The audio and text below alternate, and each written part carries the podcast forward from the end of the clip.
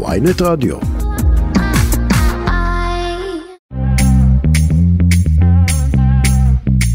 שלום לכם, אתם שוב איתנו בכסף חדש, התוכנית הכלכלית היומית של ynet רדיו. אני דן רבן, עורכת התוכנית היא שקד אילת, וסתיו בצללי על הביצוע הטכני.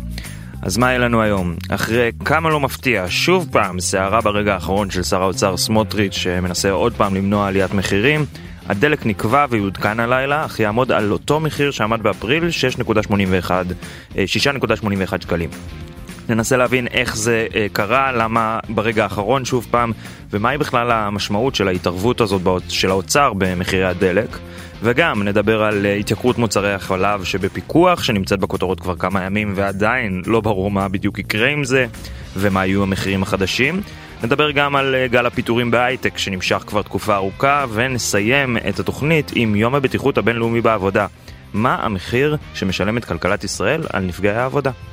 אבל קודם כל אני רוצה להגיד שלום לגד ליאור, הפרשן הכלכלי של ynet ושל ידיעות אחרונות. שלום גד. שלום רב. אז אה, ממש לפני זמן קצר אה, נודע שמחיר הדלק יעודכן היום בלילה ויעמוד אה, גם בחודש הבא על 6.81 שקלים. זה אחרי שברגע האחרון שוב פעם שר האוצר סמוטריץ' חתם על צווים שמפחיתים את המס הבלו, את המס על הדלק, למשך חודש אחד, הפעם ב-36 אגורות, 36 סליחה. לליטר והוראת השעה נוספת שמפחיתה את ב-13 אגורות לליטר. אה, תסביר לנו שנייה מה קרה פה, מה זה אומר המספרים האלה שאמרנו עכשיו, ובעצם למה המחיר נשאר אותו דבר למרות שהוא היה אמור לזנק. אז זה חישוב די מסובך, ואני לא רוצה כך לבלבל את המאזינים, אבל בוא נאמר כך, דווקא אני הפעם אומר מילה רעה ומילה טובה על משרד האוצר. המילה הרעה, התעוררתם בשנייה האחרונה, אחרי יום העצמאות, שוב מבלבלים את הכל, שוב מפרסמים את המחיר ממש עכשיו, סמוך לארבע אחר הצהריים, כשצריך בתחנות לעדכן את המחיר בחצות. אגב, התחנות צריכות לעדכן, לחייל וכולי. מצד שני, אני חושב שיש בכך יתרון.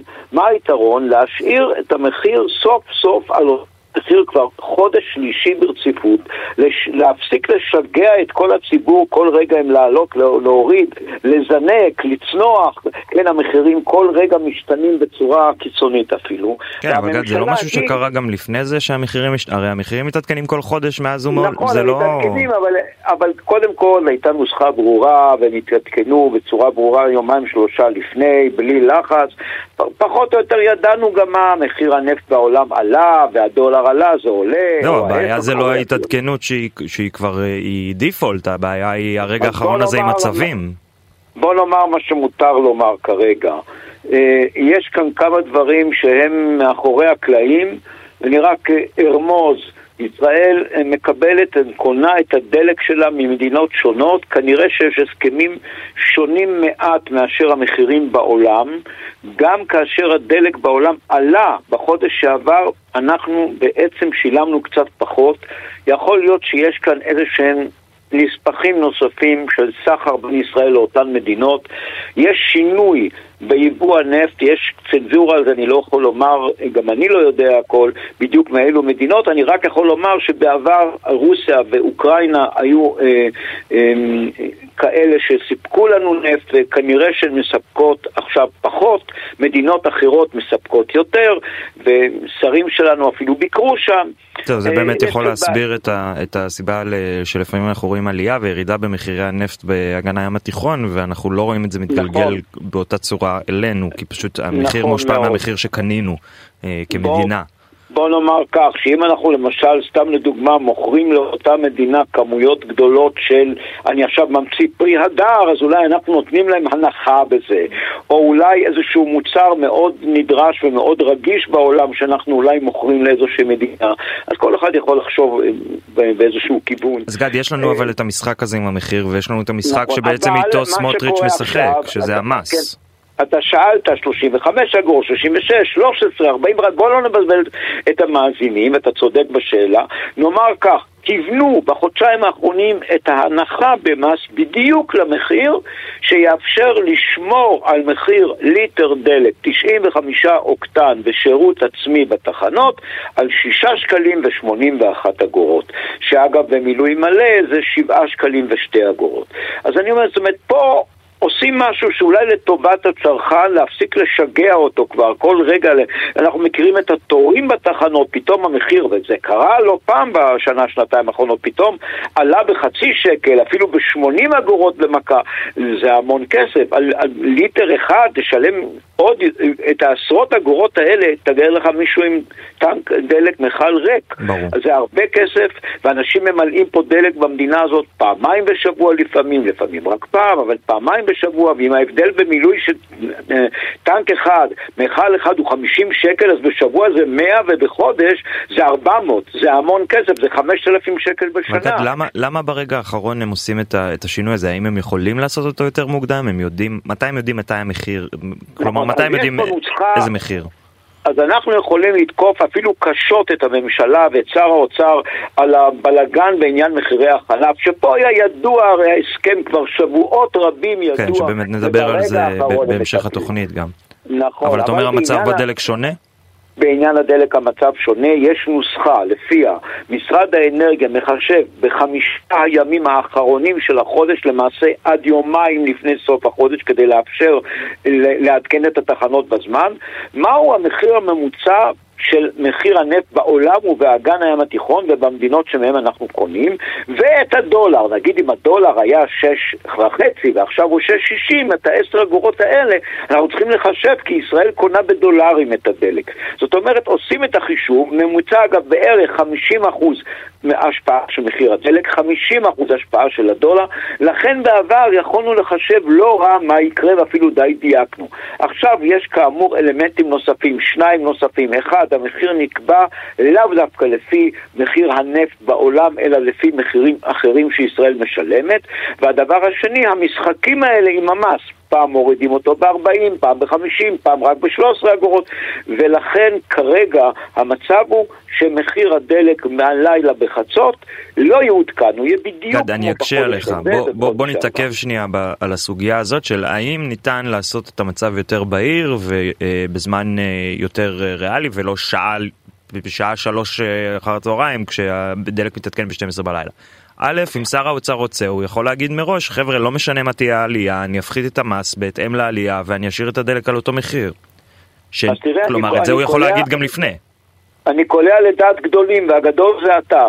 אתה יודע, היום, לפני הצהריים, דיברתי עם אחד מנציגי הממשלה, לא עם שר, עם אחד מהעוזרים, ואמרתי לו, תגיד, למה לא תקבעו, סתם לדוגמה, מחיר הדלק בישראל קבוע, שישה וחצי שקלים, פעם זה עולה, פעם זה יורד בעולם, אם פתאום יש שינוי עצום, יצטרכו לגבות שמונה שקלים כי יש מלחמה באוקראינה, אז יהיה שינוי. תפסיקו לשגע ולעשות חישובים, ואז המדינה פעם יעלה לה 50 מיליון ופעם היא תחסוך 50 מיליון. אתה יודע מה הייתה תשובתו? רעיון לא רע. הוא אמר רעיון לא עזור שזה ירצו את זה, רעיון לא רע. מזל שאתה פה בשביל אה, להעלות רעיונות אה, לא רעים. כן, אבל, אבל אני רוצה להזכיר שאני לא מקורי בזה. השר אביגדור ליברמן כבר הציע בממשלה הקודמת שהמחיר יתעדכן רק אחת לשלושה חודשים, ובמשרד האנרגיה התנגדו, ואמרו, אבל תראה מה קורה, המחירים מאוד משתנים, הם מאוד קופצים, הם מאוד צונחים, וזה לא יהיה... אני עדיין אומר, הרי זה קורה בכל הדברים, הרי אתה עכשיו הולך לקנות מכונית. יכול להיות שהדולר פתאום תוך ימים אחדים יעלה ב-8%, אבל אתה כבר שילמת. ברוב המקרים לא יגבו ממך עוד. הם עושים את החישוב שלהם, זאת אומרת, המחיר של המכונית הוא 150 אלף שקל, וככה הוא. אז כמובן שיכול להיות, עכשיו יש מצב כזה, כשעברו שבעה ושמונה חודשים מההזמנה עד האספקה בגלל המשבר בעולם בהובלות וייצור, אז באמת אנשים ידרשו לשלם עוד כמה אלפי שקלים על, על הרכב למשל. כן, בסדר, תקן אותי אם אני טועה, אבל גם מחירי אה, החשמל והמים מתעדכנים לא אחת לחודש והם גם משתנים, נכון, כלומר זה נכון משהו שכן מישהו סופג. תראה, ישראל, ככל שהיא נחשבת מעצמה כלכלית אולי בהייטק, היא מייבאת כמעט הכל, את כל חומרי הגלם. אנחנו מייבאים סוכר, ואנחנו מייבאים קמח, וחיטה, ושמנים, והכל. ולא משנים כל יום את המחיר. גם כשהדולר יורד או עולה, או אנחנו משנים מדינה, למשל אוקראינה אה, אה, סיפקה לנו שמנים, הרבה מאוד mm-hmm. וכולי, והם לא יכולים היו לספק. אגב, לא שמן, שמן מאכל. הם לא יכולים היו לספק בגלל המלחמה. אז קנינו ממקום אחר. המחיר לא השתנה. יש אגב אה, מוצרים שהם מוצרי יסוד. אז עכשיו יש לנו את העניין עם החלב, אתה אומר שעוד מעט אה, ידברו על החלב. אבל אני אומר, אי אפשר כל יום לשגע את כולם. אז פעם בחצי שנה, או פעם בשנה, משנים את המחיר ומתחשבים בזה שאולי במהלך השנה יש שינוי כזה או אחר, או הדולר יעלה וכולי. אבל אי אפשר לשגע את כולם כל הזמן. נכון, אנחנו בשוק כן. חופשי, המכונית יכולה, החנות יכולה לשנות את המחיר, אבל לא במחיר מפוקח. וגם, סלח לי אם, אם אני אולי... אולי אני מגזים, אבל בסוף אנחנו מדברים פה על השינוי של המס הזה, זה יעלה למדינה 50 מיליון שקל, נכון? לחודש הקרוב? נכון. זה לא כזה הרבה כסף למדינת ישראל, 50 מיליון שקל. כן, אבל אני יכול לבשר שהשינויים האלה, אני בדיוק היום שאלתי ואמרו לי, עלו כבר מיליארד ו-200 מיליון שקל בשנה האחרונה. זאת אומרת, ההנחות האלה, פה 100, פה 50, פה 300, פה 270, אגב זה גם סולר, זה גם דלק, הסולר הפסיק עכשיו, אבל היה זמן שגם הסולר הוזל במחצית השקל ובשקל שלם, וזה עולה כסף לקופת המדינה, וקופת המדינה כידוע יש בצד הכנסות לצד הוצאות, ואם ההכנסות קטנות, יכול להיווצר מצב שיורידו לנו שירותים או שיעלו כן, איזשהו מס. כי אנחנו לא יכולים להמציא כסף, להדפיס כסף אסור יותר ממה שיש, ולכן אה, גם אובדן המיסים הזה יכול להשפיע בסופו של דבר על משהו, זה יכול להביא להקטנת הצפיפות בכיתות, כמובן, אה, להגדלת הצפיפות בכיתות, אנחנו כולנו מכירים את זה גם לסגירה, מהכיס האישי. של של טיפת חלב, אולי לסגירת תחנת משטרה, זה, אה, המדינה יש לה תקציב, וברגע שנהיה גירעון, אז צריך לוותר על חלק מההוצאות. ברור. גד ליאור, הפרשן הכלכלי של ynet וידיעות אחרונות, תודה רבה לך שהיית איתנו ועשית לנו קצת אה, סדר בבלאגן.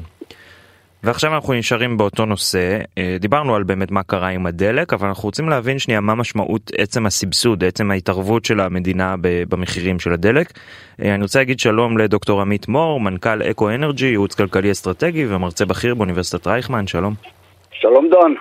אז למרות שכשמחיר הדלק עולה זה כואב בכיס של אה, לא, לא מעט מאיתנו, יש אה, גם אה, לא מעט בעיות בסבסוד המחיר שנהיה יחסית קבוע בחודשים האחרונים, כמו שדיברנו עכשיו באמת עם גד. תסביר לי מה, מה הבעיה העיקרית בסבסוד מחירי הדלק. אז אכן, סבסוד מחירי הדלק, ולפי החישובים שלי זה לא 50 מיליון שקל לחודש, זה קרוב ל-120 מיליון שקל לחודש, וכמיליארד וחצי שקלים ברמה שנתית. ה-50 אה, מיליון זה רק התוספת שאושרה. בדיוק, אבל okay. אוקיי. סך הכל הסבסוד לחודש אה, מאי, מהרגע שהוצגה הנחה במס לפני אה, קצת פחות משנה, כבר הוא, הוא כ-120 מיליון שקל לחודש וכמיליארד וחצי במונחים שנתיים. כן, שזה עכשיו, מה שגד באמת גם אמר. נכון, נכון מאוד. עכשיו, המשמעות היא מאוד uh, שלילית מבחינה כלכלית, כי מה המסר שהאוצר, uh, שרי האוצר, זה הליברמן ועכשיו סמוטריץ', אה, סמוטריץ' נותנים למשק, uh, מחיר נמוך יותר לדלק מעודד אותנו, את הציבור, לתחבורה אה, ברכב הפרטי, דבר שכמובן גורם לגידול העומס אה, בתנועה ולפקקי התנועה, כמובן גם לזיהום האוויר, אה, כל הנושאים שאנחנו רוצים למנוע, אנחנו מעוניינים למנוע את העידוד של התחבורה הציבורית, אנחנו מעוניינים למנוע את הצמצום של התנועה אה, בכבישים, את הנסועה. בסדר, ו... אבל דוקטור מור, אני יכול לתת לך דוגמה למס על אה, משקאות ממותקים וכלים חד פעמיים, שיש בו הרבה מאוד היגיון, והנה ביטלו אותו, כי לפעמים נכון. יותר חשוב ש... שהבוחרים יהיו מרוצים מאשר סביבה או בריאות. השאלה איזה בוחרים, כי בעצם מה הסבסוד הזה או ההנחה במס הוויתור על 120 מיליון שקל לחודש, מיליארד וחצי שקלים במונחים שנתיים יוצר. הוא מעודד את, ה, בוא נאמר, את העשירים או את המעמד הבינוני אה, והגבוה על חשבון המעמד הנמוך. המעמד היותר נמוך נדרש יותר לתחבורה ציבורית, שבדרך כלל אוטובוסים וכולי הם מונעים בסולר, המס על הסולר בכלל לא הוזל. Mm-hmm. כלומר, הציבור לא מודע לכך, ואני אני חושב שעם מיליארד וחצי שקלים לשנה, ניתן היה לעשות דברים יותר טובים, לעודד תחבורה ציבורית, אפילו לסבסד את התחבורה הציבורית. ודאי שאם היום יש לנו אה, משבר די גדול של עלייה במחירי המזון, שכואב לכל אחד אה, בכיס, ניתן לסבסד מחירי המזון, מחירי החלב, ניתן, אה, לשם דוגמה, סל הבריאות עומד על 600 מיליון, 500-600 אה, מיליון שקל, אפשר להגדיל אותו פי שלושה. כלומר, לא חסרים דברים לטובת הציבור שניתן לעשות בסכומים כאלה גדולים. תראה, בוודאי לא לסייע. לשכבות החזקות בחברה. אני חד משמעית מסכים איתך, ובאמת הסוגיה פה בעיניי, שאלה מי משתמש בדלק הזה, והדלק הזה משתמשים בו מעמד ביניים פלוס פלוס אה, בעיקר. אבל ולהם וואלה עוד 30 אגורות ל-30 ליטר בלא יודע מה זה לא זה לא מה שיפיל אותם. כ-40 שקלים לחודש זה המשמעות של הסבסוד הזה אבל...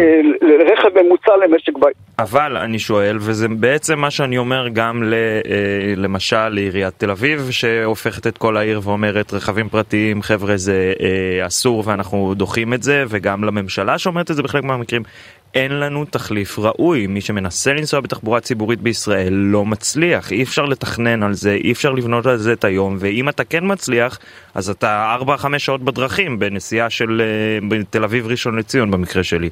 לא, אתה חד משמעית צודק דן, אין ספק שהתחבורה הציבורית בישראל היא תחת הכל ביקורת. האם אפשר מצד אחד גם להגיד חבר'ה כן אנחנו לוקחים את המס הזה ולא מעודדים רכבים פרטיים ומצד שני לא לתת פתרון. אז חד משמעית, אה, התקציבים שניתנים, ואנחנו ב-30-40 שנים פיגור בתחבורה הציבורית שלנו, אין ספק בדבר.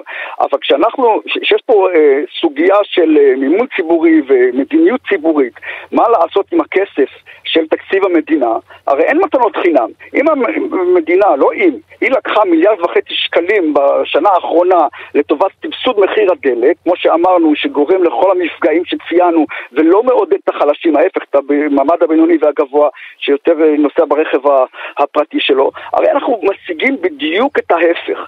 ולכן זה צעדים מאוד פופוליסטיים, מאוד נוח לבוא ולומר, הנה במיוחד שיש התקפה ציבורית אה, צודקת ומוצדקת נגד אה, עלייה ביוקר המחיה, בעיקר מחירי המזון ויתר המוצרים. כלומר, אנחנו לא משנים את מחירי הדלק, אזי מבחינת שר האוצר זה מאוד מאוד נוח, למרות שכל בכירי האוצר ואגף התקציבים, כולם חושבים בדיוק, אה, רובם חושבים בדיוק כמו שאנחנו מדברים כרגע ואת העמדה שאני מציג כרגע, אזי מבחינה פוליטית נוח מאוד שלא לעלות היום ולפתוח עוד חזית, גם מחירי הדלק עלו.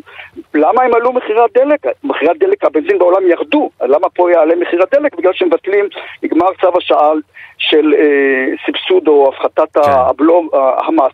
ולכן אני חושב שזה צעד מאוד מאוד פופוליסטי של שר האוצר אה, סמוטריץ', ונכון תעשה הממשלה להבא, זה כבר הוחלט, אבל בסיום חודש אה, מאי, בעוד חודש, שתפסיק את, ה, את ההנחה מה, מהמס הזה ותפנה את הכספים הכל כך נחוצים האלה אנחנו הרי עומדים בפני ירידה מתוכננת בתקציב המדינה. דוקטור מורד, אה, אני אתן לי לשאול אותך עוד שאלה וקצת אולי להקשות בנושא הזה. מה, אנחנו הרי מדברים עכשיו, מחירי הדלק זה חלק ממדד המחירים לצרכן גם. נכון. ואנחנו מדברים על האינפלציה שעולה ועולה ועולה ועולה, ואנחנו מדברים על ריבית שמש, שמושפעת מהאינפלציה, ואז הריבית הזאת אה, פוגעת בכיס של כולנו.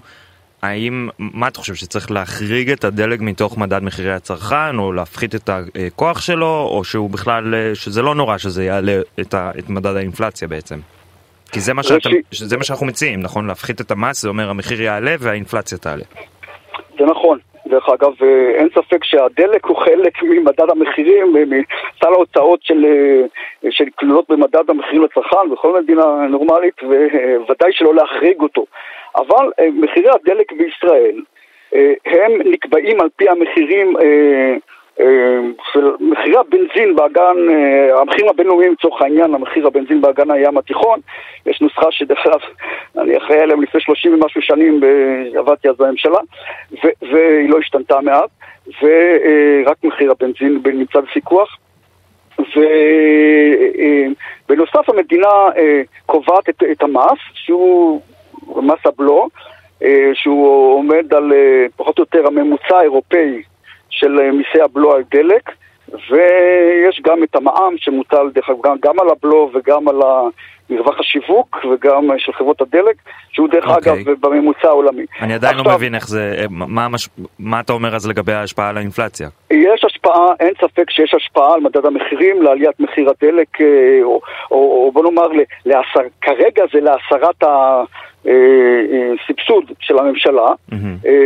יש השפעה למדד, אבל בוא נאמר כך, שאם לא היה את הסבסוד הזה, אז כבר השפעה הייתה מתרחשת לפני אה, אה, חודשים ארוכים, ו- ועכשיו הייתה ירידה במחירי הדלק, אמורה להיות. מחירי הנפט הבינלאומיים יורדים, מחירי האחרון. זה קצת להתעסק באם ואולי, אבל מה שאני שואל זה שאלה פשוטה. עכשיו אנחנו מנסים להתאמץ ולהילחם באינפלציה, ואנחנו לקראת, בתקווה, אולי סוף העלאות הריבית. אז אולי זה לא הזמן לוותר על המיסוי הזה, אולי צריך לחכות, לתת עוד שנה של אה, הפחתה, או שהאינפלציה קצת תרד בלי קשר, ואז לתת לה את הבוסט הזה. כן, הרי, הרי מבחינה כלכלית אין לזה כרגע משמעות, הרי זה, זה היה קורה בלאו הכי, והאינפלציה הזאת הייתה מושפעת, עכשיו היא הייתה יורדת. נכון לעכשיו, עם הכסף הזה אתה יכול לעשות דברים אחרים, אתה יכול להוריד, להשתמש בו אולי לסבסוד מחירים של, אה, של מזון לשכבות אה, נזקקות. אתה יכול לעשות הרבה דברים חשובים. נכון שנקודתית כרגע באיזשהו אפסילון זה יתרום לעליית המדד, זה נכון. אבל, אבל אה, אה, זה אפקט מצטבר של שנה שלמה, מבחינה מקרו-כלכלית אה, זה לא משנה ברמת השנה השלמה. זה פשוט החלטה תקציבית של מה עושים עם תקציב המדינה. וכפי שהסברנו עד עכשיו, אני חושב שהממשלה מאוד מאוד טועה אה, בנושא הזה, mm-hmm. בניגוד לעמדת אנשי המקצוע שטענו ופעלו כנגד ההפחתה הספציפית הזאת. יש אה, אה, במס ויש אה, באמת הרבה מאוד דברים טובים שניתן לעשות בסכום של מיליארד וחצי כן, שקלים בשנה. דברים ברורים. דוקטור עמית מור, מנכ"ל אקו אנרג'י, ייעוץ כלכלי אסטרטגי ומרצה בכיר באוניברסיטת רייכמן, תודה רבה לך שהיית איתנו. תודה רבה. ועכשיו ממחירי הדלק, אני רוצה לדבר על מוצרי החלב והעלייה שלהם. נבית זומר, כתבת ynet וידיעות אחרונות, שלום לך. שלום וברכה. אז החל ממחר אמור מחיר החלב הרגיל בקרטון אה, של ליטר אחד אה, ואיתו יחד אה, שאר מוצרי החלב שבפיקוח להתייקר ב-8.25%. זה בעצם במקום ב-16% כפי שקבעה ועדת המחירים על פי הנוסחת עדכון העלויות של הייצור של המוצרי החלב. אבל אנחנו עדיין לא, לא מבינים כל כך מה זה אומר, מה התייקר, בכמה, למה זה נחתך בחצי פתאום. תסביר לנו מה בדיוק קרה. אז נכון לעכשיו, היות וזה אירוע מתגלגל, כי כמובן שרק בדקה ה-90 נזעק האוצר אה, לנסות למצוא איזשהו אה, פתרון. אז כרגע זה מצב הזוי שאף אחד לא יודע, לא, היצ... לא הצרכנים כמה הם ישלמו מחר עבור החלב, ולא הקמעונאים שיודעים כמה לגבות עבור החלב. יש להם מצד אחד מחירונים שהעבירו להם בשבוע שעבר שרה אה, ותנובה עם עלייה של 16%. יש צו שסמוטריק אה, אה, שלף ממש כשפן בדקה ה-90 שעדיין לא ברור אם הוא חוקי או לא חוקי, והמחלבות מאיימות אה, לגשת אה, לבית המשפט ולהוציא צו מנהלי נגדו, בטענה שאיננו חוקי. ויש דיון אצל אה, ראש הממשלה, היה דיון היום, שגם אה, נולד מהיום להיום בנושא מחיר החלב, ובו אה, דנו באפשרות לסבסד מוצרים מפוקחים, ועדיין לא יודעים אם הפתרון הזה כן, אכן... כן, אבל נבית, אה... אני, אני טועה או שאמרתי בפתיח שזה החל ממחר? מחר אמור להיכנס לתוקפו המחירון החדש, ושוב אני אומרת, נכון לעכשיו, אף אחד לא יודע כמה צריך לחייב עבורו החלב. אוי, נהדר. מצד אחד יש מחירונים ישנים עם 16, יש צו שלא ברור אם הוא חוקי או לא, ואם המחלבות ילכו, ימהרו לבית המשפט, אה, יוציא צו מנהלי נגדו בטענה כי אינו חוקי, ויש שר אה, ראש הממשלה שפתאום העלה אה, אפשרות של סבסוד. אף אחד מהדברים האלה לא סגור, ולכן אף אחד לא יודע כמה יעלה מחר. עכשיו זה לא משהו שנפל עלינו כרעם ביום בהיר, נכון? אנחנו יודעים על 16% כבר אה, תקופה יחסית ארוכה, וכאילו אתמול, או מה זה היה? חודשים. זהו, שלושה ימים אחרונים, פתאום סמוטריץ' נזכר, זימן עליו את כל כן. ראשי המשק, ביקש לדחות, לפרוס את העלייה הזאת, אמרו לו לא אשכח מזה, ועכשיו הוא פשוט הוציא צו שאף אחד לא יודע אם מותר לו להוציא אותו או לא, אה, שבעצם. גם לא מונע את העלייה, כאילו הוא דוחה אותה, במה זה, בחודש? נכון? הוא דוחה אותה, את השמונה אחוזים הנוספים הוא דוחה בקצת. על זה, אם הצו יתקבל, על זה עוד יהיה דיון אה, בכמה דוחים את זה, אבל זה לא משנה. זה לא פתרון של הפחתת העלייה או טיפול ביוקר המחיה. זה כמו במכולת, אתה יודע, אתה דוחה את התשלום. אז אה, במקום שכל ה-16 יתלו על הציבור כעת, אז יהיה עכשיו 8.25, והיתרה... תגולגל לחודשים הבאים. טוב, נבית, אבל, אבל אולי אנחנו הש... בחודש הקרוב, אה, לפי, כך לפי הטוויטר שלי לפחות, נצפה בנפילת הממשלה, ואז זה בעיה של מישהו אחר, השמונה אחוז הנוספים האלה. לכי תדעי. עד, עד, עד שלא יבואו ויצאו טיפול שורש, מה באמת גורם ליוקר מחירי מוצרי החלב בישראל בהשוואה ל-OECD. זה לא איזה סוד כל כך גדול. יש ב-OECD סבסוד אה, משמעותי ישירות לרפתנים, יש עלויות אחרות, ויש מע"מ. המע"מ הוא 17% במדינת ישראל. בבריטניה אין מע"מ על מוצרי יסוד. במדינות ה-OECD המע"מ הכי גבוה הוא 9%. אין מע"מ 17 אחוז, mm-hmm. אבל כל זמן שהמדינה לא מוכנה להשתתף או לא משתתפת בפתרון ליוקר המחיר, אז התוצאה היא שמנסים לגלגל את זה על הצרכן, על המחלבות, שמוצאות עצמן מממנות את מחיר המוצרים המפוקחים, אבל אין פתרון אמיתי. עכשיו, מה, מה, מה זה אומר? בפועל הרי יש לנו את המנגנון שקובע את המחיר של החלב המפוקח, שהוא מנגנון ממשלתי. והממשלה בעצם אומרת עכשיו אנחנו מתעלמים מהמנגנון הזה והעלייה שהמנגנון שאנחנו קבענו לא רלוונטית. עכשיו... לכן עד היום כל פעם ששרים סרבו לחתום על uh, עליית המחיר של מוצרי החלב המפוקחים באותם פעמים שתנובה והמחלבות כן פנו לבג"ץ הם זכו. כי בג"ץ אומר יש... חבר'ה אתם קבעתם את המנגנון תעמדו בו. עכשיו זה, זה יקרה גם, גם עכשיו לדעתך? זה לא סתם קבעו את המנגנון, יש חוק אה, מחירים מפוקחים. בחוק הזה יש אה, אמנה או חוזה בין המחלבות לבין הרפתנים לבין המדינה. שאומר, אנחנו, אתם לא יכולים, אומר למחלבות, אתם לא יכולים לקבוע לבדכם את מחיר המוצרי חלב, אנחנו קובעים עבורכם, אבל אנחנו מתחייבים לעדכן את עלויות הייצור. היות וחלב זה חומר הגלם המשמעותי במוצרי חלב, אז אם מתייקר החלב הגולמי, מה שאנחנו קוראים מחיר מטרה, אותו חלב שהם, שהמחלבות רוכשות מהרפתנים, המדינה מחובתה, לפי חוק המחירים המפוקחים, לעדכן את המחיר. זהו, זה צריך להגיד בהתאם. גם, כלומר כשאנחנו אומרים ששר אוצר אה, סמוטריץ' חותם על צו ואומר אה, המחיר יעלה ב-8% ולא ב-16%, בעצם מה שזה זה. אומר בפועל, לא רק שהוא עוקף את זה, זה אומר שה-8% כן. האלה נופלים על המחלבות. כי הם הרי כן משלמות את המחיר לא היותר גבוה. לא שמונה, אלא ההפרש בין השמונה ש... כן, כן, ההפרש, זה מה שאני אומר, כן, כן ההפרש של השמונה אחוז הנוספים האלה, אה, כן. זה, נופל על מישהו, כלומר המחלבות פונות לבג"ץ בטענה של חבר'ה, זה לא אמור ליפול עלינו. נכון, ולכן זה חשוב להבהיר את זה, כי הרבה פעמים אני רואה בטוקבקים שהציבור שלא כל כך uh, מכיר את כל זה, מפיל את האשמה על המחלבות. במקרה הזה המחלבות לא אשמות. Mm-hmm. זה המנגנון של מחירים מפוקחים. עכשיו זה, זה יכול, זה יכול גם אה, אה, לגרום למחסור כלשהו במוצרי חלב. מפוקח? ברור, טרה כבר, טרה כבר יישמה את זה.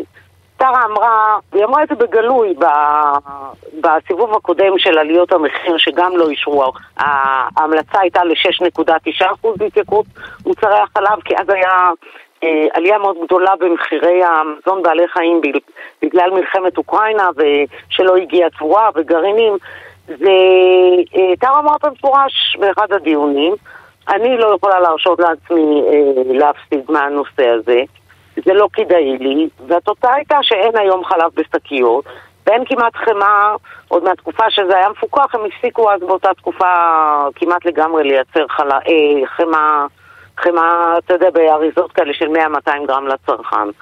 אז אה, תשמע, תנובה היום 50% מהמכירות שלה זה מוצרים מפוקחים. כן. היא בעצם המחלבה הכי גדולה עם מוצרים מפוקחים.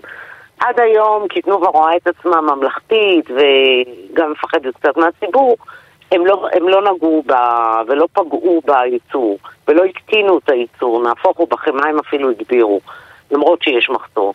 אבל יגיע רגע שגם הם יכולים לעשות את החשבון שלהם ולהגיד, אה, אוקיי, אנחנו לא אמורים אה, לסבסד את זה או להפסיד על זה. אנחנו עסק בכל זאת ששייך לבעלים... אה, אגב, ו... נבית, יש, את שומעת מהמחלבות שיש כוונה באמת לפנות לבג"ץ? שעוד לא החליטו בנושא? תראה, הן ערוכות כבר. Mm-hmm. הן מחכות עכשיו לראות מה יהיה. הם ממש, כולם יושבים ב hold, הקמעונאים כן, יושבים ב hold, המחלבות יושבים ב hold. אף אחד לא יודע כרגע להגיד מה יהיה מחר בבוקר, כמה, זה, כמה שזה נשמע אבסורדי.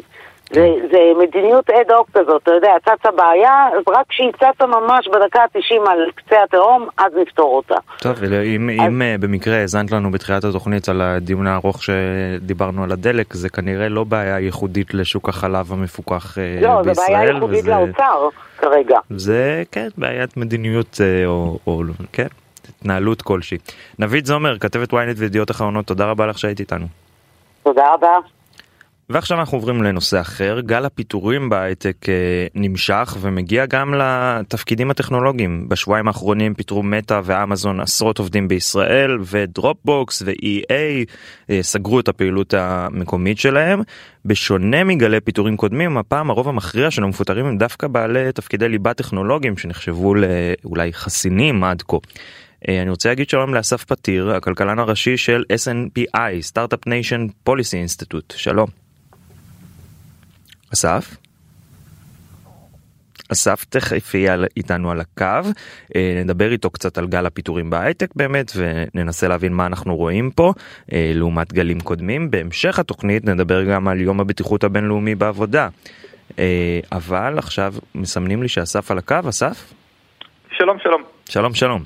אז מה אנחנו רואים פה בגלי הפיטורים האחרונים באמת והאם זו איזושהי עליית מדרגה בכל מה שקשור למשבר בענף ההייטק? זה קצת שונה, אני לא יודע אם זה עליית מדרגה, אני גם חושב שצריך לקחת את זה בפרופורציה. זאת אומרת, אה, אתה בטח זוכר לפני, החל מלפני שנה אנחנו מדברים על גלי פיטורים בהייטק, היו המון כותרות במהלך המחצית השנייה של 2022, אבל כשמסתכלים בסך הכל על נתוני כוח אדם בהייטק ב-2022 למשל, אז אנחנו רואים שההייטק, אה, למעשה מצבת העובדים של ההייטק בסך הכל ב-2022 צמחה, כולל במחצית השנייה. אה, ברבעון האחרון של 2022 אנחנו ראינו סטגנציה, זאת אומרת המספר העובדים בסך הכל נשאר אותו דבר. אבל זה בא ללמד אותנו שני דברים. אחד, רגע, ש... אבל אסף, כנראה... לפי, לפי הלמ"ס, בחודשים האחרונים לפחות, ירד מאוד הביקוש אה, לעובדים בהייטק. נכון. כלומר, אתה מדבר על 2022, ירד... אבל בוא נדבר שנייה על, על עכשיו, אנחנו בסוף כן, אפריל. אנחנו צריכים קצת להיזהר עם המושגים. אה, מה שירד זה, זה המשרות הפנויות. אה, וזה נכון, כשיש האטה, אז מה שקורה זה שעסקים פותחים פחות משרות חדשות. זאת אומרת, אנשים הם, הם מגייסים פחות, ומכיוון שיש יותר עובדים שפוטרו או שעזבו את העבודה שלהם, אז הם ממלאים את המשרות האלה יותר מהר. ולכן מה שקורה זה שאנחנו... כן, זה, זה, בראש שלי זה נשמע הגיוני להגיד שהביקוש ירד. כן, אבל זה לא המושג הכלכלי הנכון, כי הביקוש הוא לא נמדד במשרות פתוחות. כן, אבל אם אה, היה עכשיו איקס משרות פתוחות ועכשיו, ועכשיו יש איקס מינוס אלף, אז צריך פחות, יש פחות ביקוש. כלומר, הם צריכים פחות עובדים חדשים. כן, יש יותר היצע. אוקיי, אז אתה אומר אין בעיה, כלומר, בכל אה, זאת? לא, לא קודם כל יש בעיה, מה זה בעיה? יש האטה, אין ספק שיש האטה. אה, אני חושב שיש קצת, אבל אני רק אומר שצריך לקחת דברים קצת בפרופורציה, במובן הזה שבהייטק בשנה סטנדרטית מפוטרים עשרות אלפי אנשים. זה, זה סקטור כזה שחברות נפתחות ונסגרות כל הזמן, הפיטורים הם בשיעור מאוד גבוה בשנים רגילות. עכשיו, אה, בשנה האחרונה שיעור הפיטורים הוא, הוא, הוא אנחנו התרגלנו לשנתיים, ב-2021 שיעור הפיטורים היה מאוד נמוך. ואנחנו היום חוזרים לשיעור פיטורים שהוא די קרוב למה שהיינו רואים לפני התקופה שבוא נקרא לה הבועה. כן, שזו באמת הטענה המרכזית שלפחות אני שומע בחודשים האחרונים, שכל הירידה הזאת היא גם ביחס לבסיס השוואה מאוד מאוד גבוה אה, שהיה לנו לפני כן. אה, ובאמת כמו שאתה בערך אומר כלומר למרות שיש לנו ירידה במשרות הפתוחות עדיין יש הרבה מאוד משרות והרבה מאוד אה, צריך אנשים ובכל זאת אנחנו רואים ב- ב- לפחות בחודש האחרון איזשהו שינוי מגמה של אה, א' מבחינתי כאלו שמסקרים את זה אנחנו רואים פתאום גם פיטורים בישראל בחברות טכנולוגיה בישראל שזה משהו שלא כל כך ראינו לפני זה או במימדים יותר נמוכים. Mm-hmm. כן, וב' כן. אה, אנחנו רואים, אתה יודע, סבבה, אז אה, מטא ואמזון אה, יצאו בפיטורים של עשרת אלפים איש או, או משהו כזה, אבל באמזון זה היה הרבה אנשים שעבדו במחסנים, ואתה יודע, זה היה שירות לקוחות. עכשיו אנחנו מדברים על פיטורים של אנשי טכנולוגיה הארדקור, נכון, שזה נכון. משהו ש, שהוא שונה. לגמרי, ואני גם לא רוצה לצבוע את זה באופן ורוד מדי. זאת אומרת, אנחנו ב-SNPI אנחנו עוקבים אחרי הנתונים האלה כבר הרבה שנים, אז יש לנו גם יכולת קצת להשוות ולשים דברים בפרופורציה. אני לא רוצה, זה גם לא, זה גם, אני גם לא רוצה להמעיט בסבל של מישהו שמפטרים אותו. זה בוודאי מאוד לא נעים. אה, מה שאני אומר זה שאנחנו ראינו בשנה האחרונה עלייה בקצב הפיטורים שהיא מביאה אותנו באופן שהוא די קרוב למה שאנחנו רגילים בממוצע רב-שנתי. זאת אומרת, אני בסך הכל מנסה להגיד, זה לא איזה קטסטרופה מה שקורה כן, עכשיו. כן. אה, דבר שני, זה נכון שעכשיו אנחנו רואים אה, באופן היסטורי, בדרך כלל מה שקורה זה שהסטארט-אפים הישראלים, שיעור הפיטורים שלהם הוא יותר גבוה, הוא יותר תזזיתי מהחברות הרב-לאומיות, ששם הכל יותר יציב. הן צומחות יותר לאט, הן קטנות יותר לאט. כך שהגל הפיטורים הנוכחי של השבועות האחרונים, שבו אנחנו רואים פתאום חברות אה, רב-לאומיות מרכזי פיתוח של חברות רב-לאומיות בישראל שמפטרים, הוא באמת קצת שונה. עכשיו, אגב, כשהם מפטרים, המרכזים האלה, כשהם מפטרים זה תמיד עובדי מו"פ, כי כמעט ואין שם עובדים שהם לא עובדי מו"פ. זאת אומרת, אמזון בישראל לא מחזיקה עובדי מחסנים. מחקר ופיתוח, נגיד, למי שפחות כן, בקיא נכון. בז'רגון. עכשיו, אנחנו רואים אה, לפחות זה, זה כאילו אה, מרגיש לי ש, שמה שאנחנו רואים זה תמיד קצת בעיכוב של כמה חודשים על, על שוק ההון. עכשיו ב-2022 הייתה שנה נוראית בשוק ההון ספציפית לחברות ההייטק ודווקא בשבועות האחרונים אנחנו רואים חלק מהן מתאוששות. אה, אתה חושב שזה ישפיע על המגמה הזאת של הירידה בביקושים ואולי יעצור אותה או אפילו יהפוך אותה? אני חושב שזו שאלה גדולה ואני חושב שהיא שאלה שבאופן כללי קשורה גם לפתיחה של סטארט-אפים בישראל. זאת אומרת, התנאים הפיננסיים, החברות הגדולות מגיבות לאט. אה, החברות הקטנות, זה תלוי במצבן, זאת אומרת, אה, התנאים הפיננסיים גורמים לזה שחברות שגייסו הרבה עובדים פתאום אומרות, רגע, אנחנו אולי ייקח עוד זמן עד שנוכל לגייס עוד פעם אם השווקים לא במצב טוב, אז אנחנו צריכים להיזהר עכשיו, אולי אנחנו צריכים קצת להאט את קצב הגיוסים שלנו, אולי אנחנו גייסנו אנשים בשכר גבוה מדי לפני שנה, אנחנו צריכים כן. לפטר אותם. אה, אידיאלית להוריד להם שכר לפעמים, אבל הרבה פעמים יותר קל לפטר אנשים מלהוריד להם שכר. כן, האמת שגם אני בעיקר התייחסתי למגמה העולמית. בישראל יש לנו בעיה אחרת לגמרי, והיא הרפורמה המשפטית שמאיימת על אה, כל השוק הישראלי פחות או יותר. בהחלט, אה, והאמת היא שזה מה שרציתי. אחד הדברים שאנחנו רואים בשנים האחרונות בישראל, זה שיש ירידה די דרסטית בכמות הסטארט-אפים החדשים שנפתחים. עכשיו, חלק גדול מהירידה הזאת זה בגלל שהשכר מאוד עלה. השכר, למשל, השכר שמשלמות חברות רב-לאומיות גדולות. וקשה להקים סטארט-אפ כשאתה צריך לגייס כוח אדם, אתה צריך להתחרות עם השכר שמשלמים, שמשלמים באמזון או בגוגל או בפייסבוק. אה, ולכן אני חושב שזה אחת, ה... זו, לדעתי זו אחת הסיבות המרכזיות לזה שאנחנו ראינו ירידה די דרמטית בקצב הפתיחה של סטארט-אפים חדשים בשלוש-ארבע שנים האחרונות. אוקיי. Okay. עכשיו, אה, באיזשהו מקום, הסיטואציה שבה החברות האלה הן קצת מאטות את הגיוסים שלהם, הן אה, מפטרות, הן אולי קצת בקשיים, זה אולי קצת הזדמנות לראות סטארט-אפים ישראלים חדשים צומחים. ובכל זאת, אסף, אנחנו, ו... ב, אנחנו במצב uh, מאוד מורכב בחודשים האחרונים, אתה חושב שאין נכון, לו... נכון, והשאלה, ש... ש... איך ההשפעה הזו? השאלה אם אנחנו נראה את הסטארט-אפים האלה, היא במידה מאוד גם תוצאה של המצב הפוליטי בישראל. Mm-hmm. כן, אנחנו רואים אנשים עם הרבה יותר קושי לגייס כספים מחו"ל, אנשים שכבר יש להם כספים בארץ מוציאים אותה. אה, בדיוק, כדי להקים סטארט-אפ בישראל אתה צריך להיות מסוגל לגייס הון ואתה צריך להיות מסוגל להעסיק עובדים. אה, לכאורה מה שקורה עכשיו עם הפיטורים יוצר הזדמנות דווקא מבחינת גיוס העובדים, אבל הסיטואציה הפוליטית מקשה על הצד השני, כן, של הגיוס ההון. של הגיוס ההון. טוב, נחכה, נראה, נקווה שהמצב הזה ייפתר. אה, כל, כל יום יש ידיעה אחרת על הדיונים בבית הנשיא, האם הם כן קורים או לא קורים. אה, אה, נראה מה, איך, זה, איך זה ישפיע ואיך זה כמובן ישפיע על הכלכלה הישראלית. אסף פתיר, הכלכלן הראשי של SNPI, תודה רבה לך שהיית איתנו. תודה רבה. מחר יחול אה, יום הבטיחות הבינלאומי בעבודה, ולשם כך הוציאו במוסד לבטיחות ולגיהות נתונים אה, על הפרות הבטיחות המרכזיות במקומות עבודה בישראל, ומה המחיר הכלכלי שהמדינה משלמת על היעדר מניעה מספקת מראש של אה, אותן תאונות. אני רוצה להגיד שלום למיקי וינקלר, מנכ"ל המוסד לבטיחות ולגיהות. שלום מיקי. שלום וברכה. לטובת מי שלא יודע, אתה יכול להסביר מה זה גיהות? ייעוד למעשה זה בריאות תעסוקתית, אה, כל התחום של אה, מחלות מקצוע שעובד עובד עם חומר מסוכן, הוא חשוף לחומר הזה והוא יכול להיפגע כתוצאה מאותו חומר. זה סוג של גאות שלמעשה מילה שכבר מופיעה בתנ"ך. הופה, מיקי, הנה, אני כמובן ידעתי את זה, בטח שידעתי את זה. אה, תגיד לנו מילה על אה, יום הבטיחות הבינלאומי בעבודה, מה זה בעצם?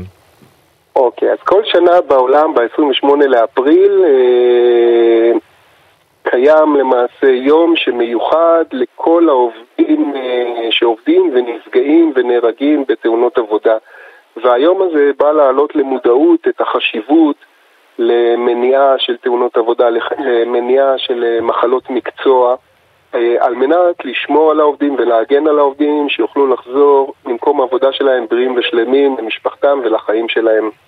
שמיקי בעצם אנחנו מדברים כלומר הדבר הראשון שעולה לי בראש ואני בטוח שלעוד רבים אחרים זה באמת אה, אה, ענף הבנייה והתאונות הנוראיות שאנחנו רואים אבל אתם אה, אחראים לא רק על זה נכון איזה עוד מקומות בעייתיים יש לנו או מועדים לפורענות? אז אני אגיד לך יש נתון שלמעשה רוב הציבור לא מכיר אותו אבל הוא הבעיה המרכזית זה לא הרוגים בתאונות עבודה אלא נפטרים ממחלות מקצוע. ממחלות מקצוע בכל שנה לפי נתונים שאנחנו ריכזנו ואספנו במדינת ישראל באזור ה-1200 אנשים נפטרים מחשיפה למחלות מקצוע שגורמת להם בסוף אה, למות. אם אנחנו מסתכלים על אה, שמה, מספר העובדים שנהרגים בשנה בתאונות עבודה, אז בממוצע מ-2000 עד 2022 הממוצע היה 59 עובדים. כלומר, אתה רואה שזה בסדרי גודל שונה מספר הנפטרים ממחלות מקצוע לעומת תאונות עבודה. למרות שאנחנו בפועל כולם מכירים את תאונות עבודה כי תאונה קורית ואז שומעים עליה, אבל מחלת מקצוע, העובד הזה עבד לפני 20 שנה במפעל, נחשף לחומר מסוכן, לבינתיים הריאות שלו אוכלו, והוא לבינתיים מחלה שלאט לאט דוגרת דוגרת עד שהיא בסוף מתפרצת ועד שהוא נפטר ולמעשה המחלה התחילה במקום העבודה שלו והובילה אותו לזה שהוא סיים את חייו אה, מוקדם יותר מאשר עובד אחר שלא נחשף וחי הרבה יותר שנים. זהו מיקי, אני מכיר את זה, אה, כלומר אה, אבא שלי בשנות ה-70 היה עובד בבריכות דגים בקיבוצים בצפון. אה, ובאמת פעם היה דיבור על הרבה מאוד כימיקלים רעים, שלא לדבר על אסבס ודברים דומים. אנחנו ב-2023 לא, לא פתרנו את הסוגיה הזאת במפעלים מסודרים ומפוקחים? אז כמו שאמרת, עדיין לא, המחלות מקצוע זה המוות השקט של הרבה מאוד עובדים שנחשפים להמון חומרים מסוכנים, והעולם שלנו כל הזמן מתקדם, אז נהפכים חומרים שפעם היו מאוד מסוכנים יורדים, אבל עדיין מתווספים חומרים אחרים ונוספים, וטכנולוגיות חדשות שנכנסות לא תמיד מגנות על העובדים, ולא תמיד ציוד המיגון העובד עושה בו שימוש כמו שצריך, ואז למעשה שוב הוא נחשף לחומר מזיק, והחומר מזיק הזה בסוף גורם לו לפגיעה, והפגיעה הזאת בסוף מובילה לאותה מחלה שאיתה הוא נשאר עד שהוא נפטר. עכשיו, מה הן, ה... בכל זאת אנחנו מדברים על הפרות בטיחות, על דברים שאפשר לעשות בשביל למנוע את זה, מה הן ההפרות הבולטות? תראה, התחום... המוכר ביותר או הזועק יותר, לא רק בישראל, גם בעולם, זה כל מה שקשור בנפילות מגובה. נפילות מגובה הם אה, גורם המוות אה, מספר אחת בתאונות עבודה, וזה מתחיל מלבישת ציוד מיגון וחדירה של אותו ציוד מיגון לנקודת עיגון, כי לא מספיק שהעובד קיבל אה, ריתמה, הוא שם אותה, אבל הוא לא מחבר את עצמו, כי אז למעשה יש לו רק על הגוף ריתמה, אבל אי אפשר שיקרה איתה משהו שתציל את חייו. Mm-hmm. אז הנפילה מגובה זה בעיה מספר אחת. בעיה נוספת זה שבציוד מיגון אישי, עובד בגובה נדרש להשתמש בקסדה עם סנטריה, כמו הקסדה של רוכבי אופניים, שכדי שכשהם נופלים הם לא יקבלו מכה בראש, הקסדה חייבת להיות רכוסה. ואנחנו רואים שבאתרי בנייה ובמפעלים שעובדים בגובה, okay. לא שמים את הסנטריה או לא סוגרים את הסנטריה ואז למעשה העובד נופל במקום אחד, הקסדה נופלת במקום אחר ואם היא יכלה לשמור לו על הראש ולהגן עליו, למעשה היא לא מגנת עליו והראש שלו מקבל את המכה ואז או שהוא נפטר או שהנזק שלו נהיה הרבה יותר חמור, זה סוג אחד של... ובכל זאת, אבל מיקי, אנחנו מדברים, אתה אה, למעשה חידשת לי ואמרת רוב התאונות, אה, או רוב מקרי המוות לא קשורים דווקא לבנייה ולנפילות מגובה, כן. אלא למחלות מקצוע. אז מה הן ההפרות ש, שמבצעים בתחום הזה? כלומר, האם יכול להיות שאין מספיק פיקוח על החומרים, על הכימיקלים, על מה העובדים לובשים אה, בזמן העבודה? אז אני אגיד לך, בעניין הזה יש כמה דברים. אחד זה ציוד מגן אישי כמו אה, מסכות פנים, וכאן אה, העניין אה, שבמדינת ישראל אין חובה, כמו לדוגמה שקיימת בארצות הברית, לבצע אחת לשנה בדיקה לאטימות המסכה והתאמתה לפנים. Mm-hmm. אם עובד או עובדת נכנסו למקום עבודה בגיל מסוים ועם השנים תווי פניהם השתנו כי הם השמינו או הרזו, או שאם זה אישה לדוגמה שנכנסה אה, להיריון וכדומה, התווי פנים שלה משתנים, או שעובד גידל זקן, הוריד זקן, כל מיני אה, דברים שקשורים אה, לתווי הפנים, והם משתנים למעשה, המסכה מגנה עליהם בצורה קטנה יותר או פחותה יותר, ואז למעשה הם חשופים יותר לאותם חומרים מזיקים שחודרים אליהם לגוף. כל מה שקשור בלבוש נכון ומותאם, כשאתה עובד עם חומרים מסוכנים, שלמעשה גם דרך האור אה, אתה יכול להיחשף אליו אה, והוא חודר לך אל הגוף. כלומר מיקי, אם אני מתמצת את זה לחצי שורה, זה לפסות, להפסיק לשים את זה רק בשביל ה-V, אלא באמת לוודא שזה מגן על מישהו. אני אגיד יותר מזה, זה להבין את הסיכון ואת הדרכים למזער אותו. כי אם אתה לא מבין את הסיכון, כעובד וכמעסיק שמסביר את זה לעובד, העובד גם לא יבין למה הוא צריך לשים את המסכה הזאת, למה הוא צריך לבדוק אותה, למה הוא צריך להתאים אותה, ואם היא לא מתאימה לו כי היא קטנה עליו וגדולה, אז לעצור ולהגיד אני לא ממשיך, אני צריך לקבל מסכה אחרת שמותאמת לתווי הפנים שלי. אם זה יהיה מובן, כנראה שאנחנו לאט לאט נוביל את עצמנו למקום אחר עם הרבה פחות נפגעים והרבה פחות מחלות מקצוע. מיקי, בחצי דקה שנותרה לנו, כמה זה עולה למדינת ישראל? בכל זאת אנחנו תוכנית כלכלית וצריך לדבר קצת על מספרים. אוקיי, אז נתוני הביטוח הלאומי לשנת 2022 מצביעים על כך שבשנה שעברה ביטוח לאומי שילם לנפגעי עבודה 7.2 מיליארד שקלים, אה, המון המון כסף וואו. למדינת ישראל הקטנה. כן, כמובן. מיקי וינקלר, מנכ"ל המוסד לבטיחות ולגיהות, תודה רבה לך שהיית איתנו ודיברת איתנו על הנושא הכל כך חשוב הזה. תודה, תודה לכם. עד כאן, כסף חדש להשבוע, מחר יהיה איתכם רועי כץ, תודה לשקד אילת על העריכה ולסתיו בצללי על הביצוע הטכני, אני עידן רבן, שיהיה לכם המשך האזנה נעימה והמון כסף חדש.